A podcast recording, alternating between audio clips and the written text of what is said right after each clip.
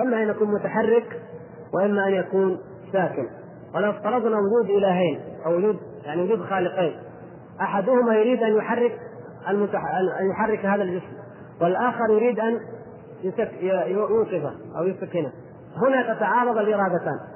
فإما أن تتحقق الإرادتان معا فيكون متحرك وغير متحرك في وقت واحد وهذا لا يمكن.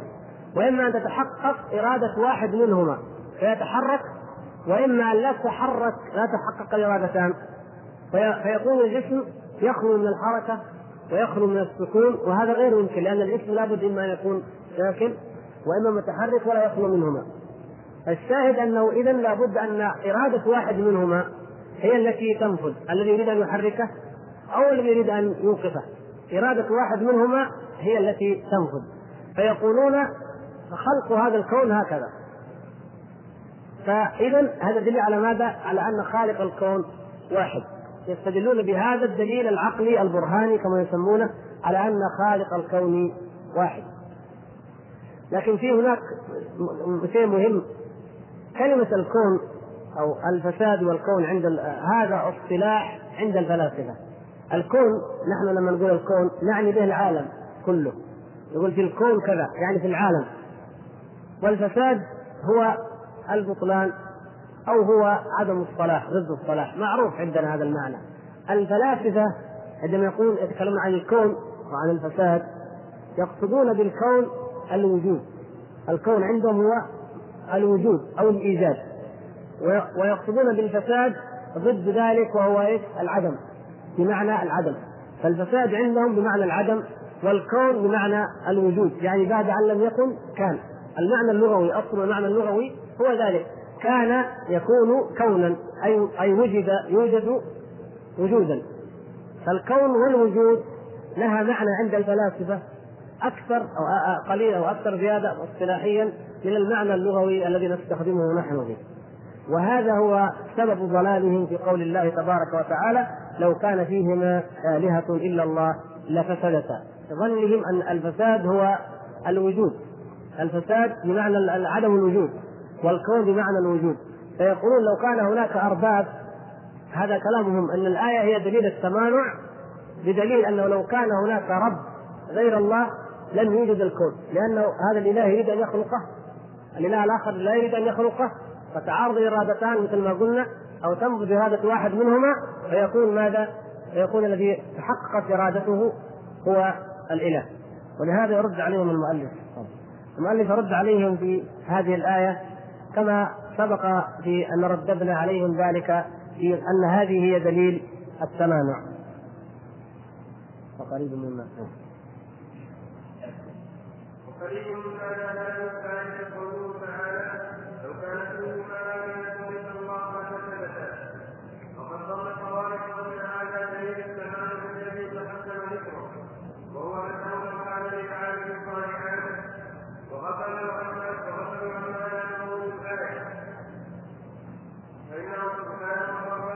إلى آخره وهو أنه لو كان للعالم يصانعان إلى آخر الكلام أي لكان سبب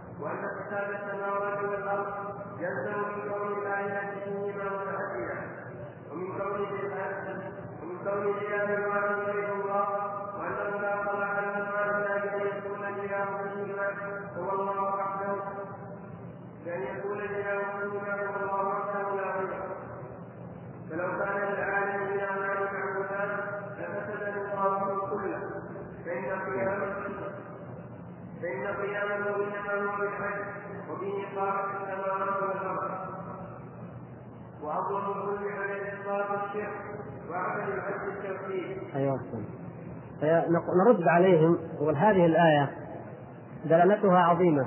لو كان فيهما آلهة إلا الله لفسدتا دلالة عظيمة على توحيد الألوهية وأنها برهان عقلي كما تطلبون أو كما تزعمون.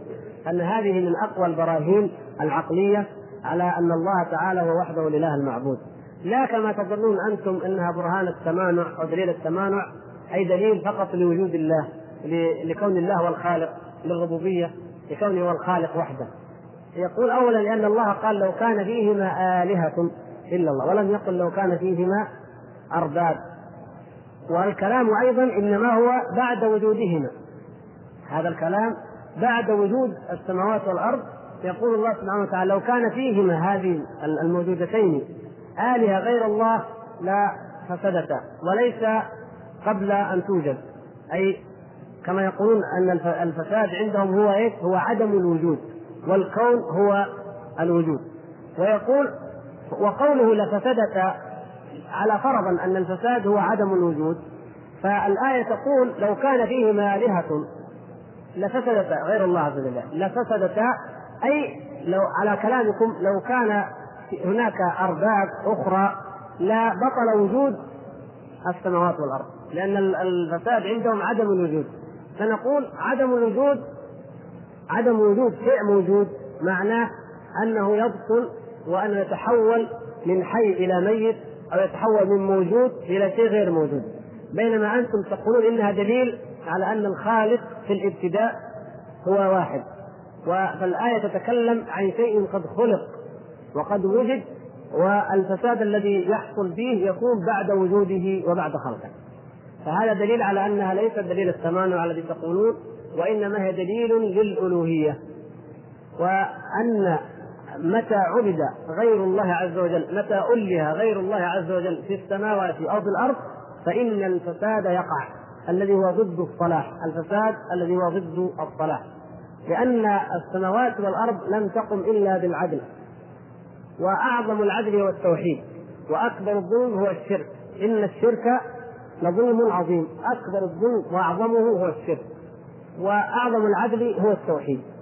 فوجود استقامة وانتظام أمر السماوات والأرض وصلاح أمر السماوات والأرض لا يكون إلا بأن يكون المعبود هو الله وليس فقط أن نقول إن الذي أوجدها هو الله. بدليل كما قلنا أن السماوات لا فساد فيها. لماذا؟ لأن المعبود فيها واحد سبحانه وتعالى وهو الذي في السماء إله وفي الأرض إله أي هو الذي في السماء معبود وفي الأرض معبود لكن في السماء معبود وحده سبحانه وتعالى. ليس في السماء من يشرك بالله تعالى شيء. الملائكة كلهم عباد الرحمن المكرمون يعبدونه سبحانه وتعالى يسبحون الليل والنهار لا يكفرون هؤلاء الملائكة العالم العلوي السماء كله موحد لله عز وجل. ولذلك لا فساد فيه أبدا. أما الأرض فيها الفساد. ويقع ولذلك قالت الملائكة منذ اللحظة الأولى منذ اللحظة الأولى أتجعل فيها من يفسد فيها ويسفك الدماء لماذا؟ لأن الأرض مكان يتوقع فيه وقوع عبادة غير الله والإشراك بالله سبحانه وتعالى وهذا أعظم الفساد فالفساد موجود في الأرض لماذا؟ لأن غير الله يعبد أو لأن غير الله سبحانه وتعالى يطاع ويتبع أمره من دون الله سبحانه وتعالى. لكن لو انتظم أمر الناس في هذه الأرض فلم يعبدوا إلا الله ولم يطيعوا إلا الله ولم يتبعوا إلا أوامر الله سبحانه وتعالى لانتفى الفساد من الأرض مثل ما انتفى الفساد من السماء. ولكن حكمة الله عز وجل أنهم لا يزالون مختلفين إلا من رحم ربه ولذلك خلقهم. حكمة الله أنه لا يزال إيمان وكفر وصلاح وفساد. ولذلك شرع الله تبارك وتعالى الجهاد ليدفع الناس بعضهم ببعض ليدفع شر أهل الشر بقوة الحق عند أهل الإيمان. فهذه حكمة الله سبحانه وتعالى. ولذلك كانت الأرض هي مكان التكليف والتعبد. وأما الذين في السماء فإنهم يعبدونه سبحانه وتعالى دائما وأبدا بلا جزاء ولا ثواب لأنهم هم لم يشركوا لم يكلفوا بأمر ويترتب عليه إما دخول الجنة وإما دخول النار الجزاء أو العقوبة بالخير أو الشر. وإنما عبادة خلقوا هكذا يعبدون الله سبحانه وتعالى في منتظم حالهم وأمرهم بطاعة الله سبحانه وتعالى ولم يكلفوا أن يعملوا أشياء ثم يعاقبوا على عدم فعلها وتوجد وتخلق فيهم إرادة العدم وإرادة الفعل واختيار هذا وذاك.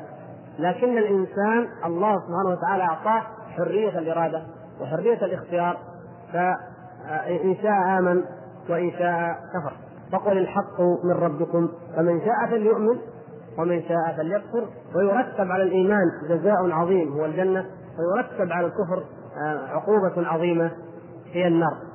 وهذا مما يدل أو هذه الآية على وجازة لفظها مما يدل ومما يبين أن صلاح العالم كله إنما يكون بأن يعبد الله وحده لا شريك له وأن يطاع سبحانه وتعالى وحده لا شريك له. ولننظر ننظر إلى واقع العالم اليوم. لما أطيع غير الله عز وجل الله سبحانه وتعالى مثلا أمر في حق النساء بما هو معروف. جعل للمرأة أعمالا ومهمة محددة تعملها ولا تتعداها وجعل خروجها عن ذلك فسادا وإفسادا في الأرض وخروجا عما أراد الله سبحانه وتعالى. لما ترك الناس أمر الله سبحانه وتعالى في هذا الموضوع واتبعوا غير أمر الله سبحانه وتعالى وأخرجت المرأة كما في العالم الغربي وفي أكثر العالم الإسلامي أخرجت المرأة عن العمل الذي شرعه الله سبحانه وتعالى لها واتبعت أهواء وأقوال الشياطين ودعاة الضلالة. كم حصل من الفساد وكم حصل من الشرور وتجدون أن الأمراض في العالم الغربي وفي من قلده تتضاعف. وينتج من التضاعف تضاعف. وينتج من التضاعف تضاعف آخر. ثم في النهاية يحللون ويقولون إن أسباب كثرة الجرائم إن أسباب جرائم الأحداث. إن أسباب التفكك الاجتماعي إن أسباب كذا وكذا ترجع إلى أن الأسرة متفككة وأن المرأة خرجت لتعمل مثل الرجل. يقرون هم الكفار أنفسهم يقرون بذلك. فهذا الفساد الذي وقع في الأرض سببه مخالفة أمر الله سبحانه وتعالى. فلو كان الله هو وحده المعبود وهو وحده المطاع واتبعت أوامره سبحانه وتعالى لما كان إلا الصلاح ولما كان إلا الخير. ولما وجد هذا الفساد في الأرض بإطلاق. وكذلك القتل. العالم يموج ويضطرب للقتل. لا يكاد يمر يوم إلا والقتلى بحروب أو قتل أفراد أو انفجارات أو تدميرات. وهذا شيء مشاهد ومعلوم. لماذا؟ لأن الله ليس هو وحده المعبود سبحانه وتعالى. بل اتخذوا آلهة من دون الله. وأطاعوا أحبارا ورهبانا أو أربابا أو زعماء من دون الله سبحانه وتعالى أو أفكارا وآراء وأديانا غير دين الإسلام. ومن هنا كان الفساد في الكون وكان هذا الاضطراب الفساد في الأرض بالقتل الذي شنع الله سبحانه وتعالى وعظم وشدد العقوبة فيه منذ أن قتل أحد ابن آدم أخاه الآخر. قضية القتل هذه انتشارها في الأرض وسفك الدماء الذي خشيت منه الملائكة وقالت أتجعل فيها من يفسد فيها ويسفك الدماء؟ واقع الآن. لماذا؟ لأن الله ليس وحده المطاع سبحانه وتعالى. وإلا فقد نهى عن القتل.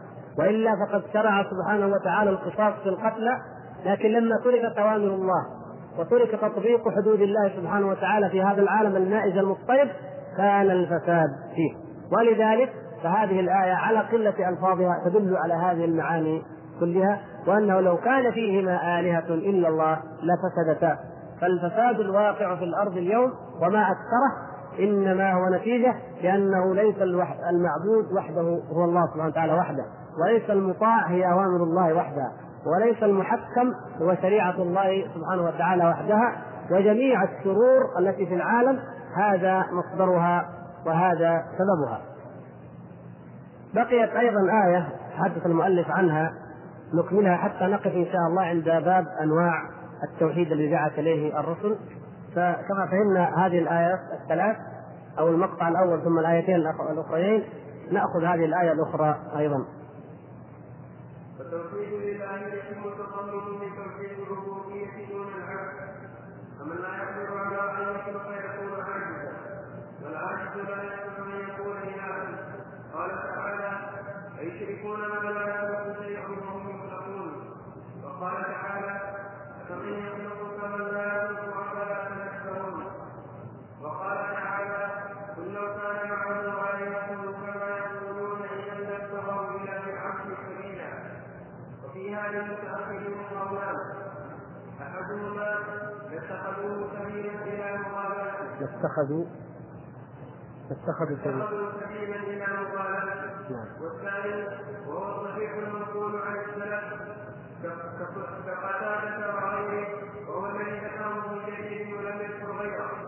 فاتخذوا سبيلا بالتقرب إليه. كقوله تعالى إنها إن هذه تذكرة فمن شاء سبيلا وذلك أنه قال لو كان معه آلهة كما يقولون وهم لم يقولوا إن العلى صالحات بل جعلوا معه آلهة اتخذوهم شفعاء وقالوا ما نعبدهم إلا ليقربونا إلى الله زلفى بخلاف الآية الأولى أحسنت. هذه كلمة مهمة طيب. يعني ال- الكلمة هذه مهمة نحفظها إن شاء الله ونفهمها. وهي قول المؤلف توحيد الإلهية أو توحيد الألوهية متضمن لتوحيد الربوبية دون العكس. توحيد الألوهية متضمن لتوحيد الربوبية. من وحد الله عز وجل بألوهيته وعبده وحده فإنه بطبيعة الحال مقر بأنه وحده هو الخالق الرازق المدبر. واضح ها؟ لكن دون العكس. من أثبت الربوبية من أثبت أنه خالق رازق محيي لا يلزم من ذلك ولا يتضمن أنه مفرد وموحد له بالعبادة وبالطاعة. هذا هو المهم في العلاقة بين التوحيدين وفي بيان أن توحيد الألوهية هو الأهم. وأما هذه الآية قول الله تبارك وتعالى لو كان معه آلهة كما يقولون إذا لابتغوا إلى ذي العرش سبيلا. فهي أيضا من الأدلة البرهانية. هذه تتضمن برهانا يقينيا على أن الإله المعبود واحد سبحانه وتعالى.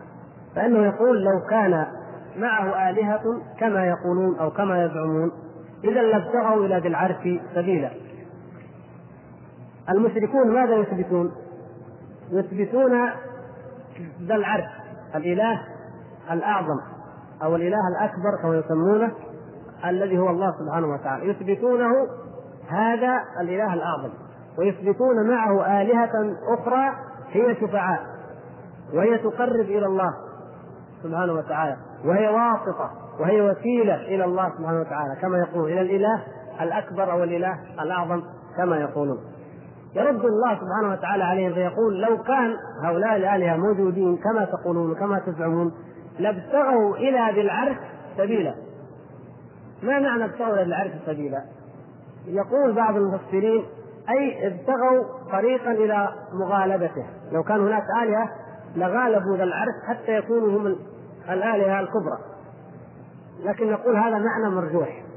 المعنى الصحيح أنه لو كان هناك على ما تقولون أنتم وعلى ما تزعمون لو كان هناك غير الله سبحانه وتعالى ممن تعبدون لابتغوا إلى ذي العرش سبيلا أي لابتغوا التقرب إليه والتعبد إليه.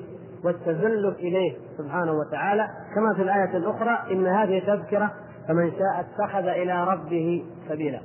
كما في قوله تعالى يا أيها الذين آمنوا اتقوا الله وابتغوا إليه الوسيلة. إذ أي لو هؤلاء كما في الآية التي قال أيضا سبقت معنا في الدرس الماضي وهي قول الله سبحانه وتعالى أولئك الذين يدعون يبتغون إلى ربهم الوسيلة أيهم أقرب؟ فالمعبودون من الأولياء من من الملائكة أو من الأنبياء أو من الأولياء الحقيقيين العباد العباد الصالحين لله سبحانه وتعالى. هؤلاء يبتغون هم إلى الله سبيل. أنت تقول أنا أتخذهم وسيلة إلى الله بينما هم أنفسهم يتخذون وسيلة إلى الله وهي ماذا؟ وهي العبادة والعمل الصالح الخوف والرجاء والتقرب إليه. فعليك أن تتخذ أنت وسيلة إلى الله أيضا بنفس الوسيلة وهي الخوف من الله. والرجاء في الله وعبادته تعالى وتقواه سبحانه وتعالى. هؤلاء الذين الذين هم أولياء أو ملائكة أو أنبياء عباد لله سبحانه وتعالى. وأما الأحجار الأحجار المعبودة من دون الله والأشجار والأبقار والنار وكل ما يعبده المشركون من دون الله مما لا يملك شيئا ولا يفقه شيئا فهؤلاء لو كان لهم إرادة في هذا الأمر مثلا الأحجار أو النار مثلا لو كان لها إرادة في هذا الأمر أو لها شأن أو لها تفكير في هذا الأمر لماذا؟ لتقربت هي إلى الله أيضا. لتعبدت واتخذت الوسيلة إلى الله سبحانه وتعالى. لأن الله سبحانه وتعالى ربوبيته وألوهيته تبارك وتعالى قاهره لجميع المخلوقات ولا معبود سواه ابدا سبحانه وتعالى. فلو كان هناك آلهة أخرى لكان شأنها أن تتقرب هي إلى الله سبحانه وتعالى وأن تعبد الله سبحانه وتعالى. فإذا عبدته وإذا تقربت إليه كيف تكون هي آلهة معبودة متقرب إليها؟ اذا لا يوجد آلهة من دون الله سبحانه وتعالى. هذا هو المراد وهذا كما قلنا من الأدلة أن هناك آيات في كتاب الله عز وجل معاني موجزة كلمات موجزة ولكنها تتضمن من الدلائل اليقينيات البرهانيات ما يعجز عنه العقل قد تعجز العقول عن تصوره فضلا عن عن أنها تأتي بمثله وهذا غير الممكن ابدا. بالنسبة للأسئلة لاحظتم في الدرس الماضي أن الأسئلة كانت آه، اتجهت الناحية الحكمية عندما قلنا أو قرأنا موضوع الفطرة وأن الله سبحانه وتعالى قد أقام البينات على عبادته وعلى ألوهيته. الأسئلة كثرت عن موضوع الأحكام المترتبة على كون الله عز وجل قد أقام الحجه على العالمين. والحقيقة أن الغرض إحنا تحدثنا عن الأحكام وسنتحدث عنها إن شاء الله لكن الغرض ليس أننا نعرف الأحكام المترتبة على ذلك. الغرض الآن أن نعرف حقيقة ذلك أن نعرف أنه حقا أن الله عز وجل قد أقام الحجه على العالمين وقد أتى بما يعذر لا أحد أحب إليه العذر من الله سبحانه وتعالى وأن الله سبحانه وتعالى أحكم الحاكمين وأنه حكم عدل يحكم بالقسط لا يظلم أحد سبحانه وتعالى أما نقول طيب الذي لم لم تبلغه الدعوة كيف يدخل النار؟ الذي بقي على الفطرة ثم مات هل يدخل الجنة أو النار؟ نقول هذه هذا خوض أو هذا بحث في في الأحكام المترتبة على البلاغ. أما البلاغ الذي يهمنا أن نعرفه أن البلاغ وأن الحجة قائمة من الله سبحانه وتعالى على الخلق وعلى العالمين. وأما من لم تبلغه الحجة ومن لم يبلغه البلاغ فإن رحمة الله سبحانه وتعالى أوسع وأعظم وعدل الله تبارك وتعالى أوسع وأعظم. فلا نتخيل أن نقول كيف يعذب وهو لم يبلغ لم تبلغه الحجة أو لم يبلغه البيان. إن الله سبحانه وتعالى له مئة رحمة. هذا الحديث الصحيح. مئة رحمة. أنزل رحمة واحدة هي التي يتراحم بها الخلق. حتى أن الدابة فترفع حافرها فلا تضعه على وليدها. الدابة تكون في مكان مظلم أو في, في الليل ويكون عندها مجموعة من الصغار من صغارها الذين يرضعون منها وترفع حافرها تعلق رجلها هكذا لأن لو وضعته لجاء على بطن أحدهم أو على رقبته أو على عينه فألمه هذا من الأدلة على جزء واحد من مئة جزء من رحمة الله سبحانه وتعالى التي أنزلها. أما 99 جزء فهو عنده تبارك وتعالى. فهذا الذي هذا حاله وشأنه جل شأنه سبحانه وتعالى. هل نقول يمكن يعذب واحد وهو معذور؟ لا. أبدا. ولكن نجيب جوابا عاما أو نعطي قاعدة عامة حتى تتضح عند الإخوة. وقد قلناها فيما مضى أن التكليف ليس خاصا التعبد أو الامتحان بالتعبد ليبلوكم أيكم أحسن عملا ليس خاصا بهذه الحياة الدنيا. في الدنيا امتحان في القبر امتحان في يوم الحشر امتحان أيضا. ولذلك كل من لقي الله عز وجل يوم القيامة وقال يا رب ما بلغني حجة ولا سمعت بنبي ولا سمعت بوحي ولا شيء فإن الله عز وجل يمتحنهم في عرصات القيامة يأمرهم بأوامر فإن أطاعوه أدخلهم الجنة وإن عصوه أدخلهم النار. فلا يدخل أحد من المخلوقين لا يدخل أحدا منهم النار إلا وقد أقام عليه الحجة من نفسه. الذين بلغتهم الحجة في هذه الحياة الدنيا الذين كانوا يقرؤون كتاب الله في هذه الحياة الدنيا ويعلمون هذا الدين حق العلم منهم من يكابر يوم القيامة ويقول يا ربي لا أريد حجة إلا من نفسي. مع أنه لا يقول ما بلغته الرسالة. يقول عربي وبلغته الرسالة وقرأ القرآن وعمل ويعلم الأحكام الحق ومع ذلك ارتكب ذنوب ومعاصي عظيمة فإذا جاء الله عز وجل يوم القيامة ووضع الموازين ورأى أن موازينه قد طاشت وأن الحسنات طاشت وأن السيئات كثيرة وعظيمة وشهدت عليه الملائكة الملكان اللذان يكتبان ما يعمل شهد عليه يبقى الجدل. والإنسان وكان الإنسان أكثر شيء جدلا يأتي الجدل فيقول يا رب لا أريد شاهدا إلا من نفسي. فيختم الله عز وجل على فمه وتنطق الأعضاء حتى أن اللسان يقول قلت وقلت وفعلت واليد تقول ذرحت واكتسبت. والفرد يقول زنيت والرجل تقول مشيت واليد تقول سرقت تشهد عليه أعضاءه. وبعد ذلك يدخله الله عز وجل النار. بعد أن يقطع كل عذر وكل شبهة. فما ظنكم بالذي يأتيه ويقول يا رب ما بلغني دين قط ولا سمعت بهذا النبي قط ولا بهذا القرآن قط. أتظنون أنه يدخله النار هكذا؟ لا أبدا. لا يليق بحكمة الله عز وجل ولا يليق بجلال الله عز وجل ذلك. ولكنه يختبرهم في يوم القيامة بأوامر مثل ما اختبرهم بها في الدنيا. هذا هو القاعدة المهمة التي يجب أن نضعها في أذهاننا وهي حكمة الله ورحمة الله سبحانه وتعالى وعدل الله سبحانه وتعالى. وبعد ذلك لا ندخل في كثير من التفاصيل التي يقول التي تشغل أذهاننا عن من لم تبلغه الحجة أو من بلغته مشوهة أو كذا أو كذا كيف يكون حاله عند الله. ندع هذا وشأنه إلى الله سبحانه وتعالى ونؤمن بالأشياء الأهم وهو حكمة الله وعدل الله ورحمة الله سبحانه وتعالى وأنه لا أحد أحب إليه العذر من الله وأنه لا يظلم أحدا من العالمين بإطلاق وأنه لا يعذبهم إلا بما جروا ثم قضية أخرى وقاعدة أخرى وهي أن الهداية من الله عز وجل فضل. الهداية من الله فضل والإضلال أو الكفر عدل. فالله سبحانه وتعالى يتفضل على من يشاء بأن يهديه. وأما الآخر فإنه يضله أو يعاقبه عدلا منه سبحانه وتعالى. يقيم الحجة ويقطع العذر ويكشف الشبهة ثم يدعه فيبقى في ضلاله.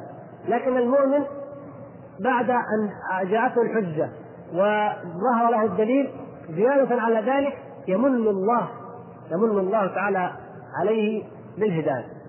إذا في حق المؤمن فضل تفضل به الله.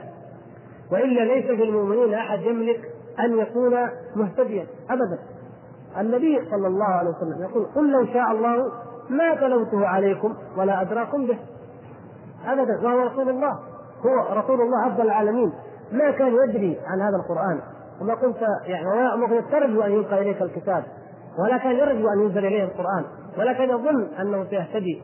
ولا كان يعني المشركون يتصورون أبدا أن يتوقعون ذلك بل هو لم يكن يتوقعه.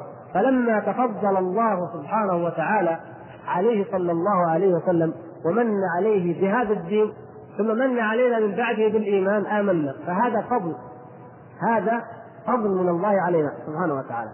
لكن أبو لهب عندما يقوم من أهل النار هذا عدل قامت عليه الحجة. ورأى محمد صلى الله عليه وسلم بين ايديه وهو الذي يعلم أنه صادق ولا يكذب ابدا ويعلم أن هذا القرآن حق. وكل ما ما يمكن أن يكون في قلبه من شبهة زالت لكنه عاند وكابر وترصد الدعوة وآذاها وآذى صاحبها صلى الله عليه وسلم. فيكون من أهل النار إيش؟ عدل. هذا عدل. ما ظلمه الله. عدل. ولكنه بحق المؤمنين فضل. فهذه القواعد إذا فهمناها في الجمله نستطيع بإذن الله أننا نفهم كثير من هذه الأسئلة من الأجوبة يعني نفهمها اجمالا. يقول بعض أهل العلم إن أهل الكفر الموجودين في هذا الزمان بأن من لم يستخدم عقله في البحث عن الدين الصحيح ولكنه أخذ من اللهو واللعب لأن الحجه قد قامت عليه لأن العقل يدل على أن هناك دينا صحيحا ولم يأخذ بأسباب البحث عن هذا الدين. فما رايكم في هذا الكلام؟ نحن في الحكم قضايا الحكمية في الحكم الدنيوي نعم نقول ذلك.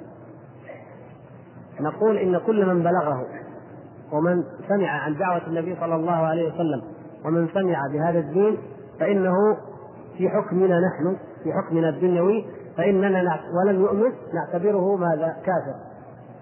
كل من عرض عليه الإسلام وسمع بهذا الدين ولم يسلم ولم يؤمن به فإنه كافر في حكم الإسلام في حكمنا الظاهر وأنه من أهل النار في اعتبارنا يعني في اعتبارنا نحن نعتبرهم من أهل النار ونعتبرهم كفار. لكن في الآخرة مثل ما قلنا لو أن أحدا منهم كان له عند الله عذر فإن الله عز وجل لا أحد أحب إليه العذر من الله فإنه يمتحنه في عرفات القيامة. ما حكم زيارة القبور للنساء؟ الحقيقة هذا الموضوع مختلف فيه بين العلماء نظرا لاختلاف الأحاديث والحق أن الأحاديث الصحيحة والكثيرة تدل على جواز زيارة النساء للقبور وأن الأحاديث التي تمنع من الزيارة هي أقل عددا وأقل صحة ولكن هذا المنع وهذا الجواز جواز زيارة القبور مقيد بألا يكون ذلك مفسدة ألا يكون ذلك مفسدة أو ذريعة إلى الشرك أو إلى النياحة أو إلى ما حرم الله سبحانه وتعالى على النساء من فعله أقول هذا لأننا عندما نقول إنما يفعل عندما ينهى النساء عن زيارة القبور لا على أساس أن هذا الأمر آه، على أن هذا ترجيح للأحاديث التي تنهى عن الأحاديث التي تجيز. فإن زيارة القبور عائشة رضي الله عنها ثبت عنها ذلك وسألت النبي صلى الله عليه وسلم ماذا تقول إذا زارت القبور وبين لها ذلك؟ وهي هذه الأحاديث في الصحيحين متفق عليها بينما الحديث المانعين مما لا يتسع المجال الآن لذكره. الشاهد أن الأحاديث في الجواز أكثر وأصح ولكن كل من يقول أن ذلك جائز من العلماء كلهم يقولون هذا الجواز مقيد ومشروط بعدم المفسدة وبعدم الذريعة إلى الشرك أو إلى الفتنة أو إلى النياحة أو اللطم أو ما حرم الله سبحانه وتعالى على النساء من ذلك. فمن هنا نفهم أن الأولى والأفضل للمرأة أن لا تزور القبور. فإن ضمنت ضمنت عدم المفسدة وعدم حصول الفتنة وعدم الاختلاط وعدم وجود الذريعة إلى الشرك فإن لها أن تذهب إلى المقبرة كما كانت عائشة رضي الله عنها تذهب إلى البقيع. أما ما يشاهده اليوم من أن الناس يصطحبون النساء هكذا بإطلاق ويذهبون بهن إلى ما يسمى المزارات أو القبور هكذا بدون أي قيد وبدون أي تحرر من أي فتنة وبدون أي تصحيح للعقيدة وما يترتب عليه من ضعف النساء ومن جهلهن ومن قلة إيمانهن فهذا ينهى عنه ولا بد أن يقيد بهذا القيد بهذا القيد الذي يضيق المسألة. وإن شاء الله نتحدث عن هذا الموضوع في وقت أوسع إذا اخذنا في تفصيل أنواع التوحيد لكن لا يتسع المجال الآن لأكثر من هذا. إذا كان تركيز الصوفية على توحيد الربوبية فكيف ضلوا حتى فيما ركزوا عليه؟ إلى أن بعض المعاصرين يعني منهم يقول إن الأرزاق كلها من كفه صلى الله عليه وسلم. هم أشركوا في توحيد الربوبية.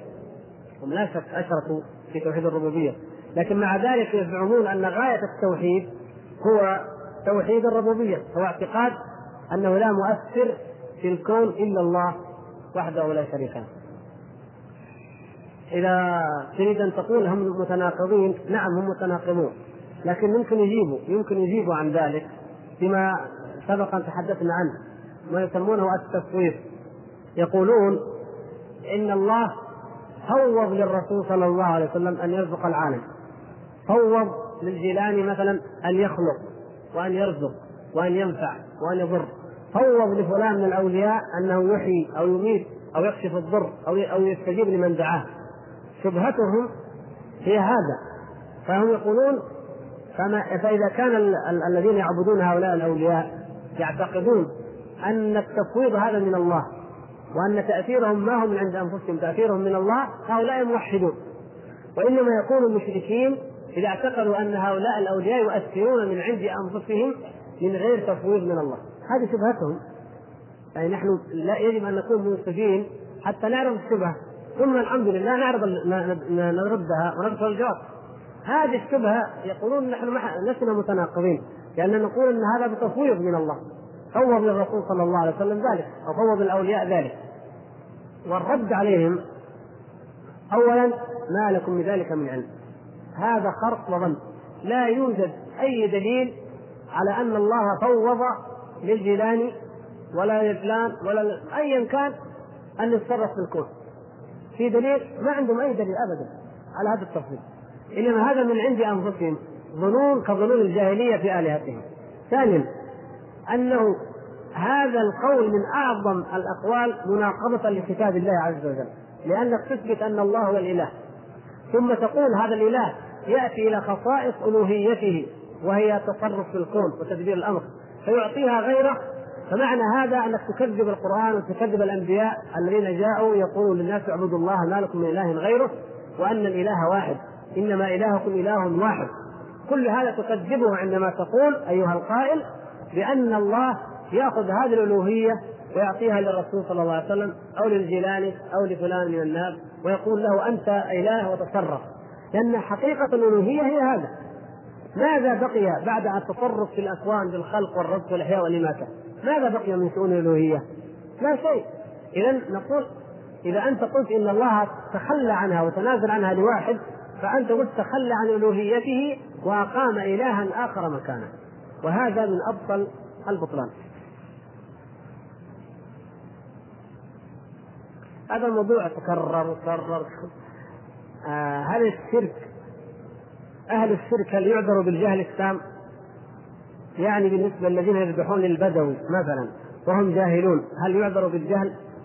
يتكرر الإجابة على ذلك وأنه ليس هناك جواب مطلق لهذه المسائل أمثال هذه المسائل ليس هناك جواب مطلق بأن تقول يعذر أو ما يعذر. أما في الحكم الدنيوي في الحكم الظاهر فلا يعذر أحد أبدا في آه ذلك. بل يجب أن تقام الحجة عليه ثم بعد ذلك يقتل حقه المشرك أن يقتل لأنه مرتد خارج عن دين الإسلام. وإما عند الله سبحانه وتعالى مثل ما قلنا إن الله تعالى لا يغفر أن يشرك به. فهؤلاء الناس إن كانوا يقولون هذا ما هو شرك وإنما هذا أخذناه عن سبيل الجهل أو أو نوع من التعظيم أو نوع من الإكرام أو كذا إن كان إن كان لهم شيء من هذه التعللات ونفعتهم عند الله عز وجل وتنفعهم عند الله فهذا إلى الله سبحانه وتعالى. وأما هذا العمل فلا شك أنه شرك. لا شك أي عمل صرف أي نوع من أنواع العبادة لغير الله هذا شرك. وفي حكم في حكم الدنيا الظاهر يجب مقاتلة هؤلاء الناس على الشرك. لكن لا يقاتلون إلا بعد أن تقام عليهم الحجة. كما كان أصحاب النبي صلى الله عليه وسلم قبل أن يهاجموا أي قوم من اليهود أو النصارى أو أي بلد من المشركين يكتبون إليهم يعرضون عليهم الإسلام أو السيف أو الجزية. هؤلاء تقام عليهم الحجة ويعرض عليهم إما الإسلام وإما أن يقاتلوا على الردة ولا تقبل منهم الجزية ابدا. كل من يشرك بالله يقبل منه التوبة التوبة من هذا الشرك والعودة إلى حقيقة الإسلام أو القتال وحينئذ من أبى وقتل فإنه يقتل كفرا على أساس أحكام الدنيا. كونه عند الله قد يكون فيهم من خفيت عليه أمور هذا كما قلنا وكررنا عند الله عز وجل لا نحكم ولا نقطع بما عند الله. فالله تعالى يحاسب كل إنسان يأتيه يوم القيامة فردا ويحاسبه بما عمل ولا يظلم ربك أحدا.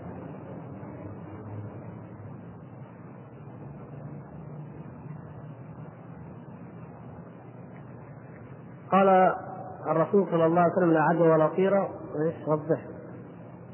يقول من شرب كاس ماء من رجل مزكوم. أو كذا؟ تعديه. وكذلك الرسول يقول فر من المجنون كما تفر من الأسد. موضوع العدوى والطيرة على كل حال ليس هناك تعارض ولله الحمد بين كون لا عدوى ولا طيرة وبين قوله صلى الله عليه وسلم فر من المجنون كما تفر من الأسد ونهيه صلى الله عليه وسلم أن يورد المصح على الممرض أو يأتي الممرض فيورد إبله على صاحب الإبل الصحيحة. العدوى هي كان الذي التي كان يعتقدها الجاهلية يعتقدون أن الأمور تتسلسل تلقائيا. هذا يعدي هذا وهذا يعدي هذا دون الإرادة ويوجد تدخل من الله عز وجل. ولذلك قال النبي صلى الله عليه وسلم فمن أعدى الأول فمن أعدى الأول. أول بعير جاء المرض أو أول إنسان جاء المرض. من أعداه؟ إذا كانت العدوى مجرد أمور تأتي بطبيعتها تنتقل فإذا قلتم الأول ما عدا أحد لأنه هو الأول وإنما هناك أنزل الله له هذا المرض. إذا الذي أنزل المرض للأول أنزله على الثاني وعلى الثالث وعلى المئة وعلى الألف. إذا هو سبحانه وتعالى الذي إن شاء أصاب هذا وإن شاء لم يصب. فهو وحده إليه الأمر كله ولا يوجد في الكون أمر إلا وهو سبحانه وتعالى هو الذي قضاه أو أراده أو دبره.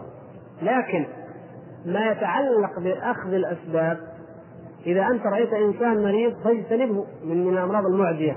فلا تتعرض لأسباب العدوى مع اعتقادك بأن الله هو الذي يقدر وهو الذي يصيب واعتقادك أنه لا عدوى ولا طيرة لكن لا تقرب منه. لماذا؟ لأن هذا سبب جعل الله سبحانه وتعالى أسباب جعل الذباب سبب لنقل العدوى جعل التلامس والقرب سبب من الأسباب وأمر المؤمن أن يتجنب أسباب الضر وأن يتلمس أسباب الخير. احرص على ما ينفعك. فالإنسان يحرص على ما ينفعه وعلى ما يسلمه وعلى ما ينجيه من الآفات ومن الشرور. فتحرص على ذلك مع اعتقادك أنه لو أصابك فهو من الله وأنه قد يصيبك به الله وأنت لم تجالس أي مصاب بإطلاق. هذا ممكن وتعتقده. وتعتقد أنك مهما أخذت من الأسباب فيمكن أن تقع أن يقع بك ما حذرت ففرق بين الاعتقاد بذاته وبين الأخذ بالأسباب والعمل بالأسباب. وهذا أيضا يعني لا يستطيع المقام لأكثر منه. ذكرت في آخر كلامك أن هذه الآلهة لو كان لها إرادة لتقربت إلى الله بالعبادة. فهي ليس لها إرادة ولكن تعبد الله وما من شيء إلا يسبح بحمده. وان من شيء الآية وإن من شيء. نعم كل الأشياء تسبح الله سبحانه وتعالى. ولكن الآية أصلا هي تفترض شيئا غير موجود. الآية لو كان فيهما آلهة غير الله والحال أنه ليس. يعني هذا مجرد افتراض لشيء غير موجود. ولذلك نحن افترضنا شيء غير موجود لو افترضنا أن النار هي معبودة وهي تفكر وهي تملك الإرادة وتملك أن تكون الها فهي هل تغالب الله وإلا تبتغي إلى الله العبادة؟ نقول لها هي هي تعبد الله، كل هذا جدلا وافتراضا. أما عبودية النار وغيرها لله عز وجل، عبوديتها لله فهذه خلقية جبلية لا تستلزم الإرادة عندما نقول إن الماء أو الحيوان النجم والشجر يسجدان لله عز وجل لا يقتضي ذلك إرادة الشجرة تعبد بها الله عز وجل وإنما هي خلقت هكذا جبلت هكذا. مثلما الإنسان الصغير الطفل أليس كل مولود يولد على الفطرة؟ هو لم يرد ذلك ليس لديه إرادة تتحرك تتجه ويفكر ويوازن وإنما هو في طبيعته خلق هكذا مؤمنا بالله سبحانه وتعالى. هذا الذي يحضرنا والله سبحانه وتعالى أعلم. صلاة التسابيح هذه مختلف فيها وما يهمنا موضوعها هنا. إذا بقي أسئلة أخرى أكثر الأسئلة الماضية إن كان ما جيت عليها في الماضي حقيقة هي كلها تتعلق بنفس الموضوع. موضوع الأحكام المترتبة على الجهل أو على الفطرة. وقد كررنا الجواب فيها نسأل الله عز وجل أن يجعلنا وإياكم ممن يستمعون القول فيتبعون أحسنه إنه سميع مجيب. أيوة ذكرتنا جزاكم الله خير. الأحد القادم إن شاء الله من العشر كما تعلمون ونحن والإخوان جميعا لا نستطيع الحضور أو أكثرنا يعني. وكذلك الأحد الذي بعده الذي يوافق سبعة شوال عيد على قولة ذا سنبل فيكون إن شاء الله أن نبدأ بإذن الله الأحد الموافق 15 شوال. بإذن الله سبحانه وتعالى. يوم 15 شوال وإن كان الزمان طويل لكن الله المستعان. إن شاء الله الله يعين. الله لا ياخذ انتهيت؟ طيب نروح الجامعة.